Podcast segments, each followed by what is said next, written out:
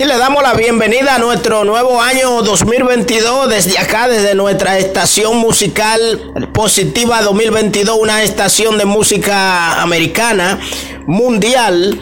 Eh, con este servidor quien le habla Henry Santana y con todo nuestro público internacional eh, desde los controles internacionales.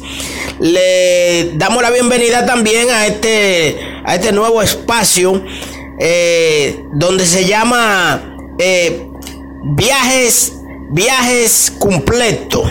Vamos a ponerle así, viaje completo.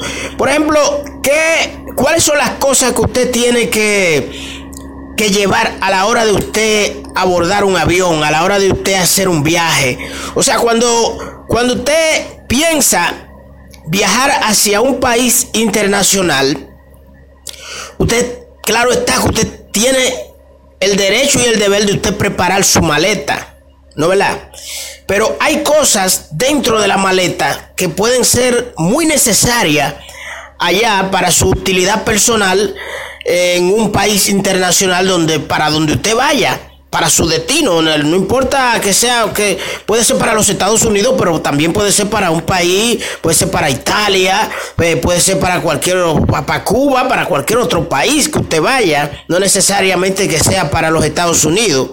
Pero en este caso, eh, ponemos a los Estados Unidos como de ejemplo. A la hora de usted hacer eh, un un viaje, de usted planificar un viaje hacia cualquier país internacional, y ponemos de ejemplo como los Estados Unidos, a la hora de usted preparar su maleta, trate de que usted lleve cosas, sus cosas que usted vaya a necesitar especialmente eso, eso que usted vaya a necesitar allá. O sea, como cosas que le puedan traer problemas a usted a la hora del viaje, trate de no andar con eso, trate de no echarlo en su maleta, trate de no echarlo en su equipaje.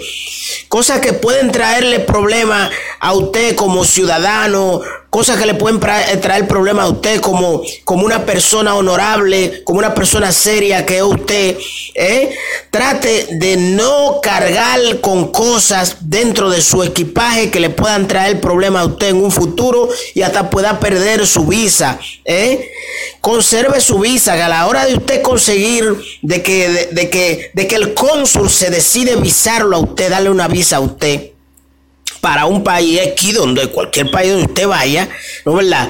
¿Eh? Es porque el cónsul piensa y es así que usted se la merece. Entonces usted no puede dañarlo todo, un proceso tan grande, un proceso tan grande como el que usted hizo, dañarlo todo, cargando en su equipaje cosas que son negativas, que le puede traer a usted problemas en cualquier momento, en cualquier oportunidad. Y hasta es dañarle su documento de viaje, como es la visa, su pasaporte o demás. Y hasta su integridad, de su seriedad que usted tiene. ¿eh? Eso trate de cuidarlo.